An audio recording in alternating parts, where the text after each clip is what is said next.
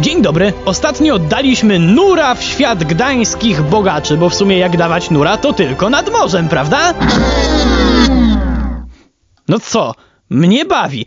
No, w każdym razie w świat gdańskich bogaczy z XVI i XVII wieku, bo to były cudowne lata dla tego portowego imperium. Jednak spokój elit miał zostać zachwiany. Co się stało? Czy kiełkująca rewolucja przyniosła trwały efekt? Przy mikrofonie Wojtek Drewniak zapraszam na program w Drewniakach przez świat.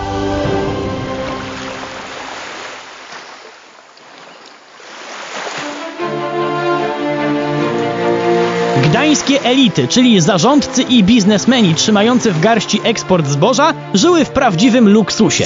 Jednak to im nie wystarczyło. Nie od dziś wiadomo bowiem, że apetyt rośnie w miarę jedzenia. Elity, mające dzięki królewskim przywilejom ogromną swobodę prawną, lubiły przykręcać podatkową śrubę biedniejszym, a zwłaszcza handlowo-rzemieślniczej klasie średniej. Głównie po to, żeby się wzbogacić jeszcze bardziej, jednak istotnym czynnikiem była też wyraźna niechęć ku temu, żeby tamci się tak bogacili, wykorzystując koniunkturę i w ten sposób mogli stanowić niebawem realną konkurencję.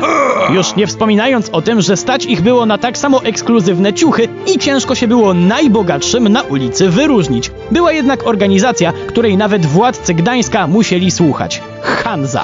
Hanza to było takie zrzeszenie kupieckich miast. Jak jakieś miasto dostąpiło zaszczytu zasilenia szeregów tego potężnego konsorcjum, to w zamian za lojalną współpracę biznesową mogło liczyć na ochronę partnerów. Hanza była tak potężna, że miała więcej pieniędzy niż niejedno państwo. W obronie swoich interesów prowadziła też wojny. Nieformalnie, ale jednak. I wtedy w ramach sojuszu trzeba było do takiej wojny przystąpić. Tego typu sytuacja miała miejsce w latach 20. XVI wieku, kiedy Hanza postanowiła co nieco sobie wyjaśnić z Danią.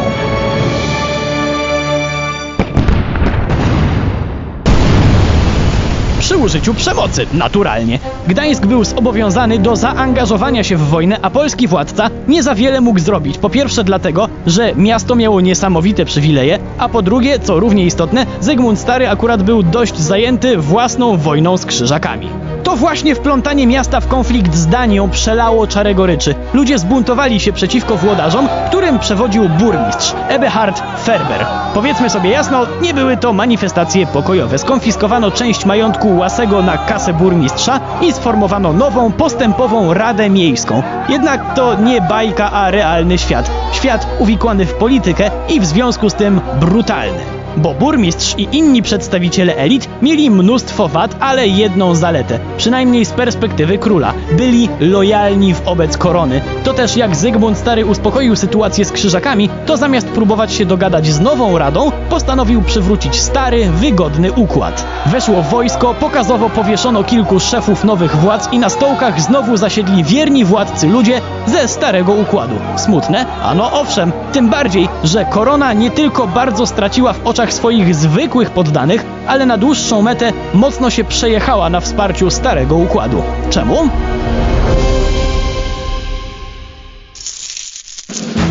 Bo gdańska elita to byli ludzie, których rody wdrapały się na szczyt dzięki handlowi. To również w trosce o biznesowe korzyści Gdańsk w ogóle zbliżył się do Polski w czasach wojny trzynastoletniej. Zatem to pieniądze płynące z handlu zbożem dzięki królewskim przywilejom dyktowały politykę tego małego imperium nad Bałtykiem. Musiał nastąpić czas, jak wizja tej polityki rozejdzie się w stosunku do tej, na którą ma ochotę korona. Taki moment nastąpił przy okazji wojny o inflanty. Zygmunt August chciał w swojej wojnie ze Szwedami uczynić z Gdańska bardzo ważny punkt strategiczny. W sumie nie ma w tym nic dziwnego, że to właśnie w tym najważniejszym polskim porcie zaczęła stacjonować polska flota, która miała skutecznie niepokoić krnąbrnych Szwedów. Jednak nie dla każdego było to tak oczywiste. Gdańskie władze były wściekłe. Czemu? Bo co ich obchodzi jakaś wojna w interesie państwa? Oni ze Szwedami kręcą milionowe biznesy na zbożu i nie w smakim wojaczka z partnerami biznesowymi. Przełomowym momentem, jeśli chodzi o manifestację tego niesmaku, było odmówienie wydania polskim marynarzom prowiantu. Ci, jak to głodni i spragnieni marynarze, zareagowali dość nerwowo i sami wzięli sobie należne im racje, przy okazji nieco obijając kilku chłopów. Ta nerwowa akcja była Radzie Miejskiej bardzo na rękę, bo w okamgnieniu aresztowano 11 polskich marynarzy, oskarżono o rozbój i powieszono. Skandal? Raczej kolejna cegiełka, bo gdańscy włodarze już od jakiegoś czasu sobie grabili, stawiając biznes ponad wierność koronie. Trochę wcześniej jakoś tak przypadkiem wyszło, że z nabrzeża ostrzelano polskie okręty, a ekipa budowlana, która przyjechała wybudować w Gdańsku królewski pałac, została przepędzona. Tego było już za wiele. Król wysłał specjalną komisję, która miała zbadać, co się w tym niepokornym mieście wyprawia, jednak delegaci wrócili po jakimś czasie i stwierdzili jedynie, że słyszeli od władz same kłamstwa i jeszcze jakby tego było mało, to zaproponowano im łapówkę. Teraz było tego za wiele, po stokroć. Zygmunt August postanowił bardzo dosadnie pokazać gdańskim włodarzom, gdzie ich miejsce w szeregu. Udało się? O tym opowiem już w naszym następnym spotkaniu. Przy mikrofonie był Wojtek Drewniak. Do usłyszenia.